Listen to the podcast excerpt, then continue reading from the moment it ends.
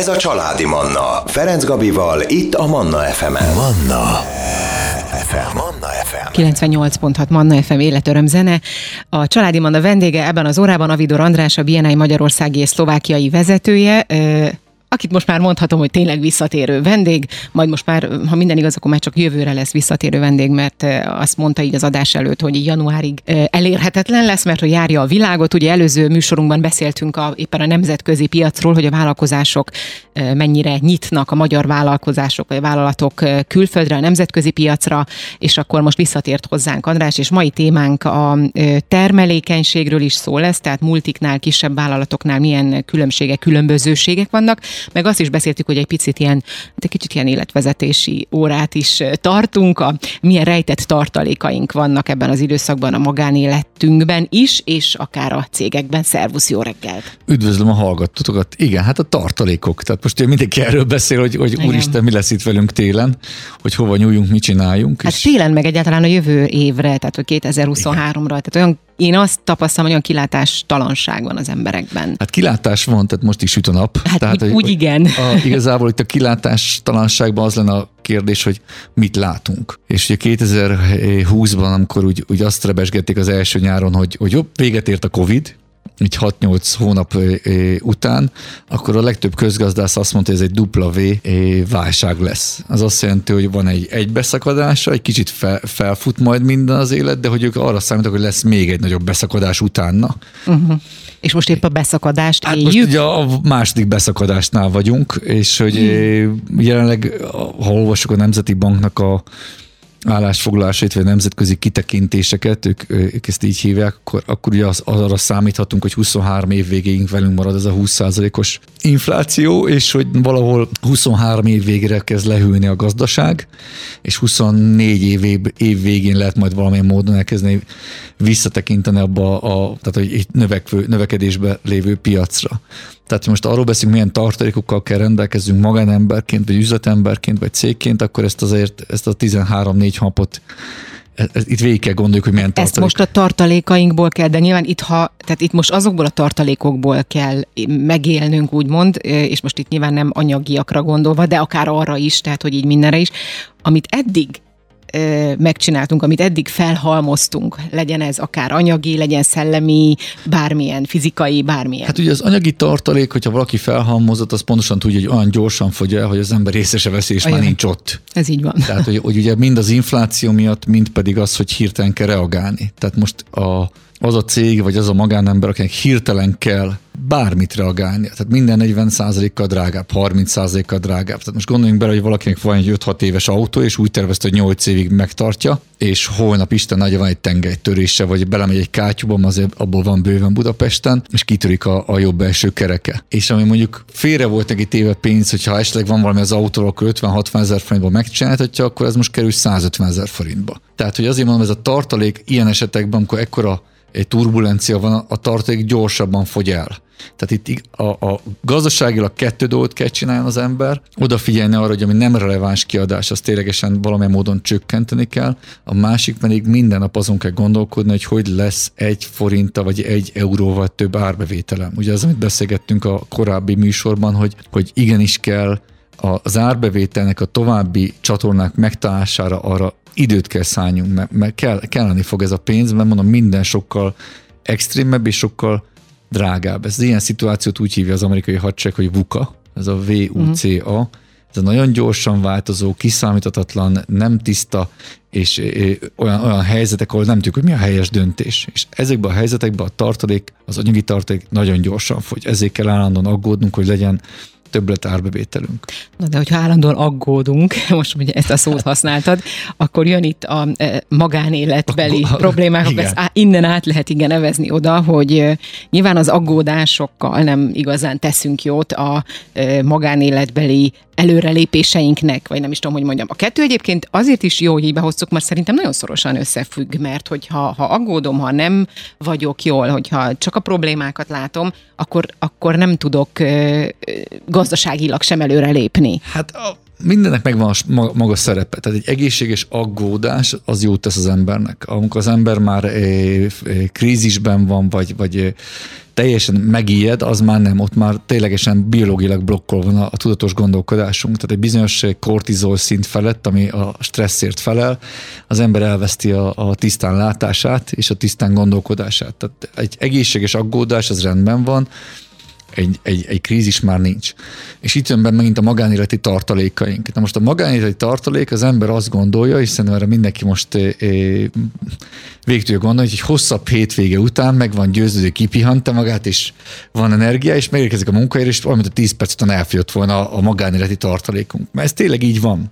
Tehát nem lehet... De akkor valamit rosszul csinálunk, nem?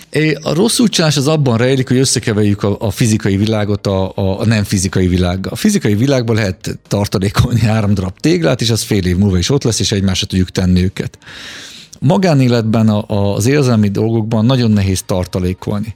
Tehát nem tudom azt, hogy most tartalékom a jó érzést hétvégéről, bemegyek a, a pénzügyi megbeszélésre, és utána még azt a jó érzést előveszem, a, a, és azt ne, ilyen nincsen. Az érzelmeink azok azonnaliak, és, és lehet befolyásolni őket különböző képekkel. Irányítani is lehet, igen. Lehet, csak hát nagyon nehéz. Én azt javasolnám, hogy a magánéleti tartalék az inkább egy, egy időmenedzsment. De hogy ezt hogyan is lehet bevezetni az időmenedzsmentet az életünkbe, innen fogjuk folytatni. Hozunk életörömzenét, és jövünk vissza Avidor Andrással, maradjanak velünk. Családi Manna Ferenc Gabival. Vendégem Avidor András ebben az órában a BNI magyarországi és szlovákiai vezetője. Témánk pedig a termelékenység, és ott hagytuk abba a beszélgetést, hogy a termelékenység szempontjából is milyen fontos az, hogy legyenek tartalékaink, főleg ugye egy ilyen időszakban, és hogy mi az a magánéletbeli e, tartalék, hát például az időmenedzsment, no de hogy ez alatt mit gond, mire gondoltál, most akkor ebben folytatjuk. Tehát, hogy uh-huh. legyen a napomnak olyan része, amikor feltöltődöm amikor olyan emberekkel találkozom, tehát egy, egy könyvnek vagyok a társszerzője, az a cím, hogy ki van a szobádba. És az egész könyv, ez egy világbeszélel lett, én csak a helyi könyvnek lettem a kiadásának a, a társszerzője, tehát nem vagyok ekkora ász, de megtisztelő volt, hogy felkértek erre is. A lényeg az, hogy a könyv azt mondja, hogy nagyon lebutítva, nézd meg kik azok az emberek, akik, akik, fel, akik inspirálnak, feltöltenek, hozzáadnak az életedhez, nézd meg, mennyit találkozol velük, és nézd meg, hogy hányan emberre töltesz időt, akik meg az ellenkezője. És utána azt mondja a könyv, ad egy módszertant, hogy hogyan tudod csökkenteni azokkal az emberekkel az időt, akik visznek belőled úgymond egyfolytában energiát és hangulatot, és hogyan tudod sűríteni a találkozások számát, akik meg inspirálnak. Most ebben az időszakban ez kimondottan fontos. Tehát, hogyha akarunk egy kis lelki biztonságot, akkor töltsünk több időt olyan emberekkel, akik, akik optimistábbak. Töltsünk több időt olyan emberekkel, akikkel jó az együttműködés. Tehát nem csak dumálnak és egymásnak sírunk a vállán, hanem akár együtt tudunk is csinálni valamit. Uh-huh. Talán beszélgettem egy barátommal, éppen úton volt, úton volt egy másik barátomhoz, akik medencét építenek, és kicsit nem tudom, hullámos lett a, a valami, és átmegy lecsiszolni, és ez a medence az, az úgy nézzen ki, hogy ki kell nézzen. Holott lehetne is a családjával, panaszkodhatna, hogy milyen rossz az élet, de hogy ilyen barátokra szükség van, akire tudom, hogy tudok számítani. Nem csak magánéletben, de üzletileg is. És ez is az embereket feltölt, és ez kell a magánéleti tartalékainkban, hogy szálljunk időt arra, vagy azokra, akik ahol föltöltődünk mi is, nap mint nap. Abszolút egyetértek ebben. Viszont nagyon kevés azt gondolom az az ember, aki annyira optimista, és egyre inkább kevesebb olyan emberre találkozik sajnos.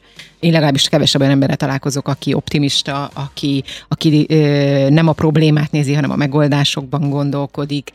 Szóval ezt, ez tényleg nagyon nehéz, és ilyenkor hajlamosak vagyunk azt mondani, hogy igen, a magyar emberre ez jellemző, de és valóban van is, ebben is van igazság, hogy mondjuk valamiért mi nem tudom. Szerintem ez, ez, ez, a, a, mit, mit, ez attól függ, hogy, hogy mit, milyen teret engedsz a dolognak.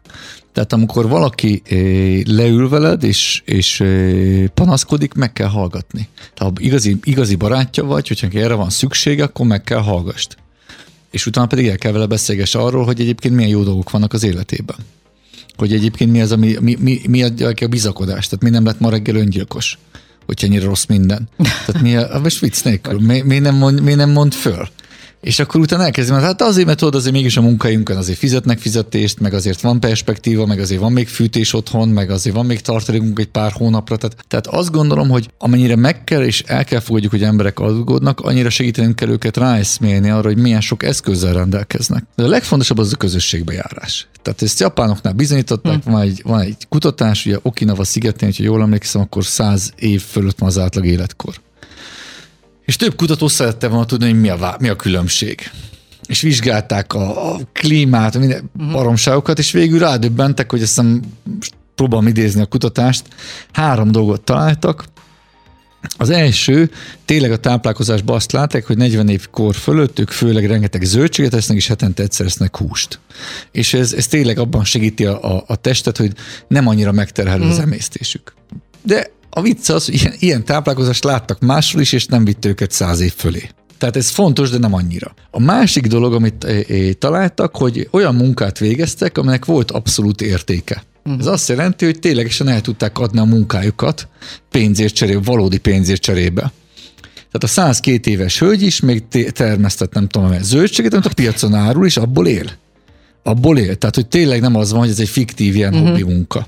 É, tehát, a, tehát a második az hogy legyen a munkád, amért, amért úgymond fizetnek. A harmadik, és ezt találták a legnagyobb hozzáadott értéknek, a közösségi élet. Uh-huh.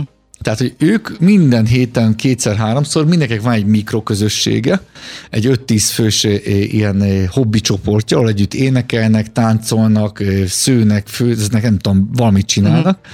és egyébként pedig még találkoznak egy nagyobb havonta egyszer a falu közösségével, ahol mindig van valami attrakció, bemutatnak valamit, és akkor mutatják ezt a, a videót, ahol látsz, nem tudom, 50-106 éves ember táncolnak együtt. Ezt itthon is erre kell figyeljünk jó táplálkozás sokat segít. Az, hogy lenni értelme a munkánknak, sokat segít, de a közösség, hogy milyen emberekkel veszük körbe a munkát, ott milyen hangulat van, ez kardinális. Hát és ez az, amiről szokunk le szépen lassan. Na de akkor innen ettől a gondolattól folytatjuk a zene után és a hírek után természetesen maradjanak velünk. Ez a Családi Manna. Ferenc Gabival, itt a Manna FM-en. Manna. FM. Manna FM. Folytatjuk a beszélgetést Avidor Andrással, a BNI Magyarországi és Szlovákiai vezetőjével. Mai témánk a termelékenység.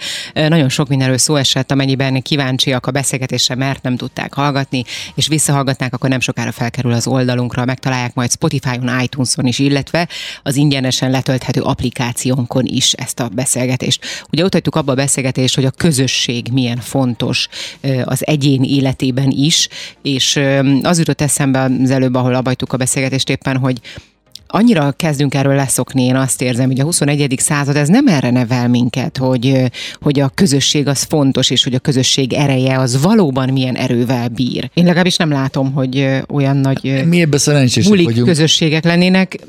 Igen. Ne, nekünk azért szerencsénk van, mert, mert azért hetente van kb. az országban 45-50 rendezvényünk, amin megjelenik 1200-1300 ember heti szinten, tehát mi azt látjuk, hogy akik azért járnak rendszeresen közösségben, akik ez megvan, itt a közösségnek a sok, sok színűség az nagyon uh-huh. fontos. Ugye vannak most ilyen kezdeményezések, ilyen szegmentált találkozók, hogy csak férfiak, csak 35 évesen, csak nem tudom, vállalkozók találkoznak, csak ez, csak az. Uh-huh. Ez jó, de nem a legjobb. Tehát azért a, a színességet fenn kell tartani, hogy járni kell társági eseményekbe, olyan emberekkel, nyitni olyan emberek fel, akiket addig nem ismertél.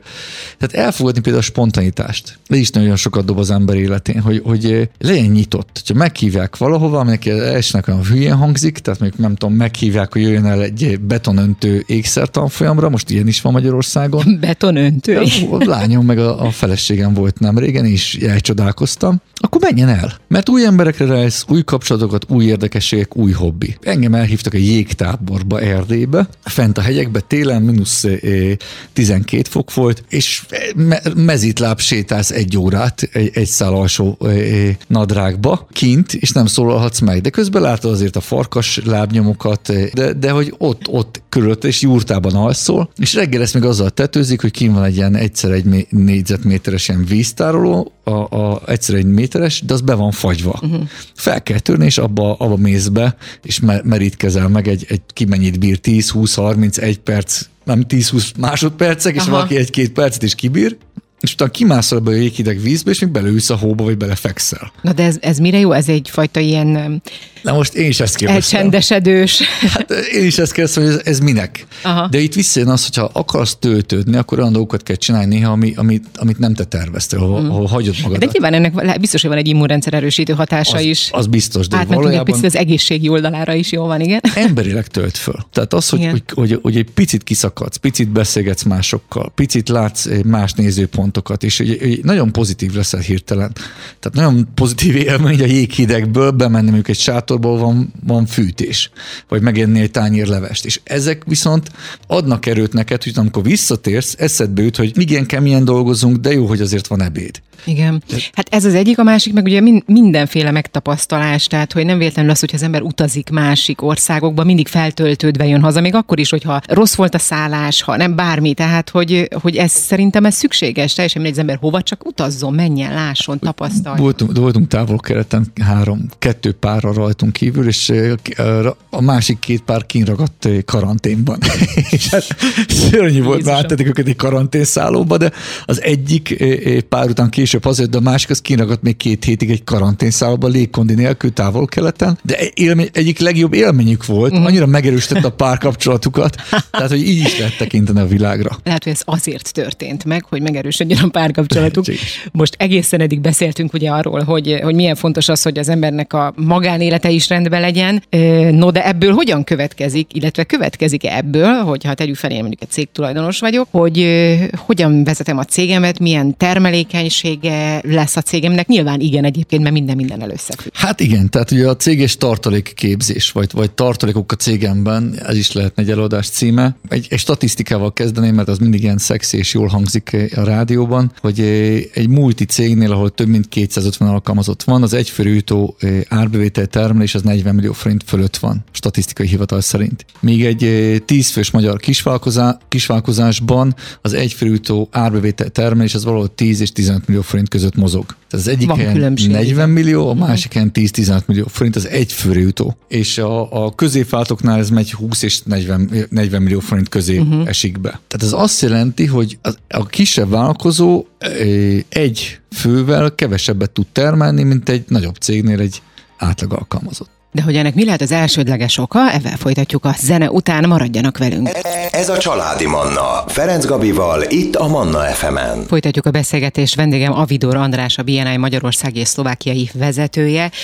Amennyi, témánk a termelékenység, amennyiben nem tudta hallgatni ezt a műsort, de kíváncsi rá vissza tudja hallgatni, nem sokára felkerül az oldalunkra, Spotify-on és iTunes-on is elérhető lesz.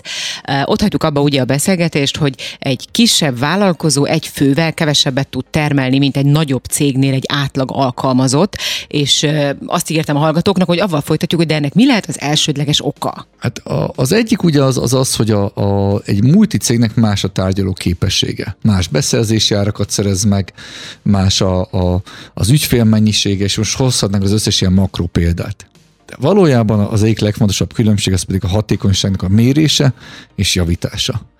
Tehát még egy, egy kisvállalkozónál, hogy a, hogy a, a a munka hatékonyságát nem nagyon tudják mérni. Aha. Tehát most mit mérünk? Hát most Mancika bejött, dolgozott, meg tudom-e mondani Mancikáról, hogy ő most hatékonyan végezte az irodavi, irodavezetői munkát, vagy sem? Van erre valamifajta mérőszámom. Mi van, hogyha Mancika egy levelet 6 percig olvas, amikor azt a levelet 46 másodpercig kéne olvasni?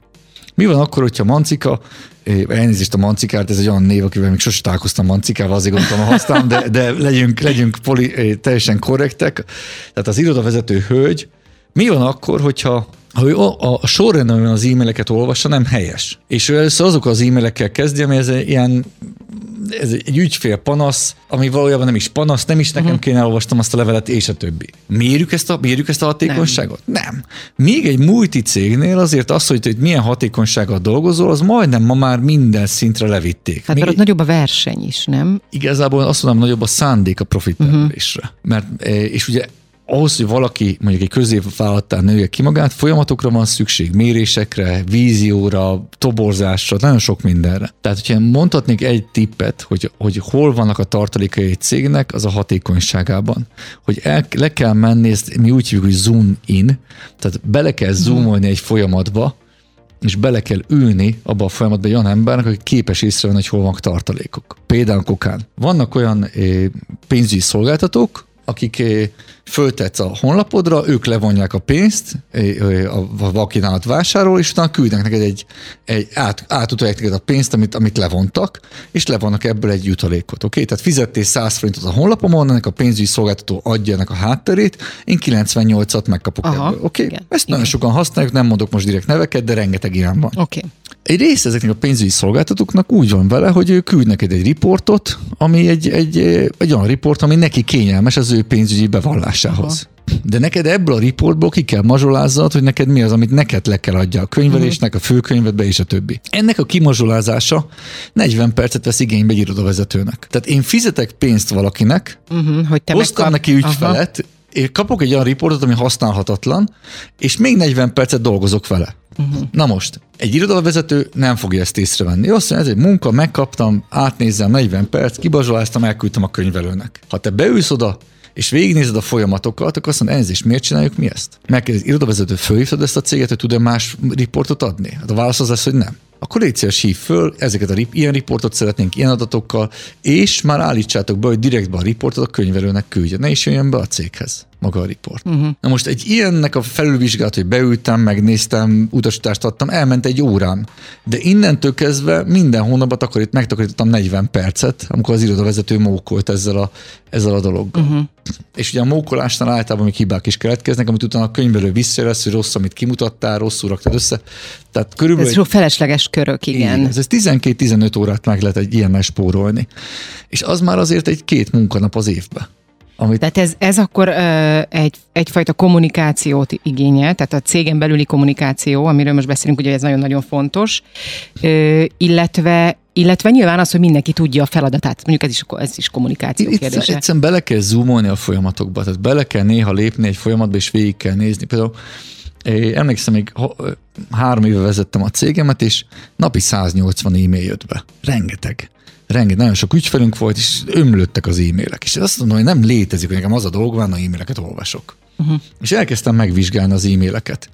És rádöbbentem, hogy, hogy 30% az e-maileknek az olyan, hogy rátettek másolatba a cégbe, hogy tudjam, hogy történt Aha. valami a cégbe. Utána volt 30%, ami, ami egyszerűen küldtek, hogy az volt a tárgymező, sosem fogom elfelejteni, boldog karácsonyt, ez a tárgymező, és az e-mailben már a hatodik ilyen levélváltás ment a főkönyvnek, a nem tudom melyik tételére. Ujjajaj, tehát ez nagy hiba azért. Rengeteg, és, és nem is megyek végig az egészen, és, és elkezdtem gondolkodni, hogy hogy lehetne ezt hatékonyabbá tenni. Az eredménye az volt, hogy kitaláltunk egy módszertant, meg egy kultúrát, meg egy belső szabályzatot uh-huh. írtunk, amivel 90%-kal csökkentettük az e-mailek számát. Na most az nagyon durva. Tehát az, amikor 90%-a kevesebb e-mail, e-mail érkezik, az és ami még érkezik, uh-huh. az meg már hatékonyabb, az egy nagyon durva változás. Tehát én azt gondolom, hogy a, azon kívül, hogy egy vállalkozónak állandóan gondolkodnia kell ilyen időszakban, és olyan tudja növelni a bevételét, a másik ilyen nagyon nagy tartalék, az hogyan tudom a folyamataimat hatékonyabbá tenni, mert ez egy szorzat. Tehát elég, hogyha az értékesítésben egy százalékot javítok hatékonyságban, marketingben javítok egy százalékot. Hogyha javítottam, nem tudom, az árazásom a kettő százalékot, ezeket a számokat mind össze kell szorozni, és az adja az eredményt. Uh-huh. Tehát, hogy, hogy ez nagyon-nagyon fontos, a pici-pici-pici állandó csiszolása ugye a Stephen Covey-nak van egy a, a hét szokás, kiemelkedően sikeres emberek hét szokása, és abban nem tudom melyik a hatodik vagy hetedik szokás, hogy élezd a fejszédet. Hogy állandóan meg kell állni és élezni ezt a fejszét. Mm. Ott vannak a tartalékok. Ez egy nagyon szép végszó volt.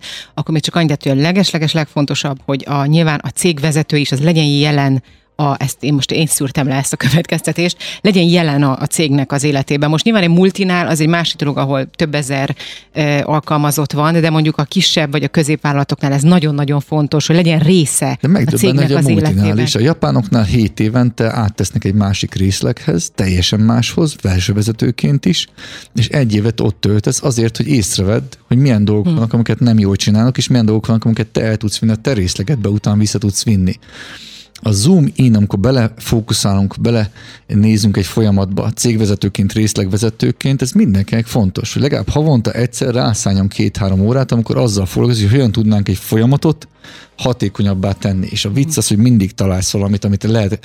Ugye a lean szemlélet, ez a Lean szemlélet nagyon elterjedt a gyártók között. Hogy, hogyha egy egy másodpercet nyerek a gyártásba, hogyha egy százalékkal csökkentem a, a, a káros tevékenységet, már drasztikusan nő a profitom. És ezt át kell vinni nekünk a szolgáltatói szintre is, hogy, hogy igenis meg kell nézni a szolgáltatás szinten, hogy mit tudunk még javítani. Hát nyilván mindenkinek saját érdeke főként. Te most elutazol, akkor merre mész? Mész a nagyvilág, vagy gyorsan lejárt az időnk? Csak most jöttem Krakóba, és most pedig meg, meg Szingapurba egy, egy, egy ezerfős konferenciára, ott is 70 országból lesznek ott tanulni, kapcsolatokat építeni. Na, akkor majd beszámolsz erről januárba, februárban, nem tudom, igen. mikor jössz vissza. Köszönöm szépen, hogy itt Köszönöm a lehetőséget, minden jót. Kedves hallgatóim, ebben az órában Avidor András, a BNI Magyarország és Szlovákiai vezetője volt a vendégem. Manna. Ez a családi Manna.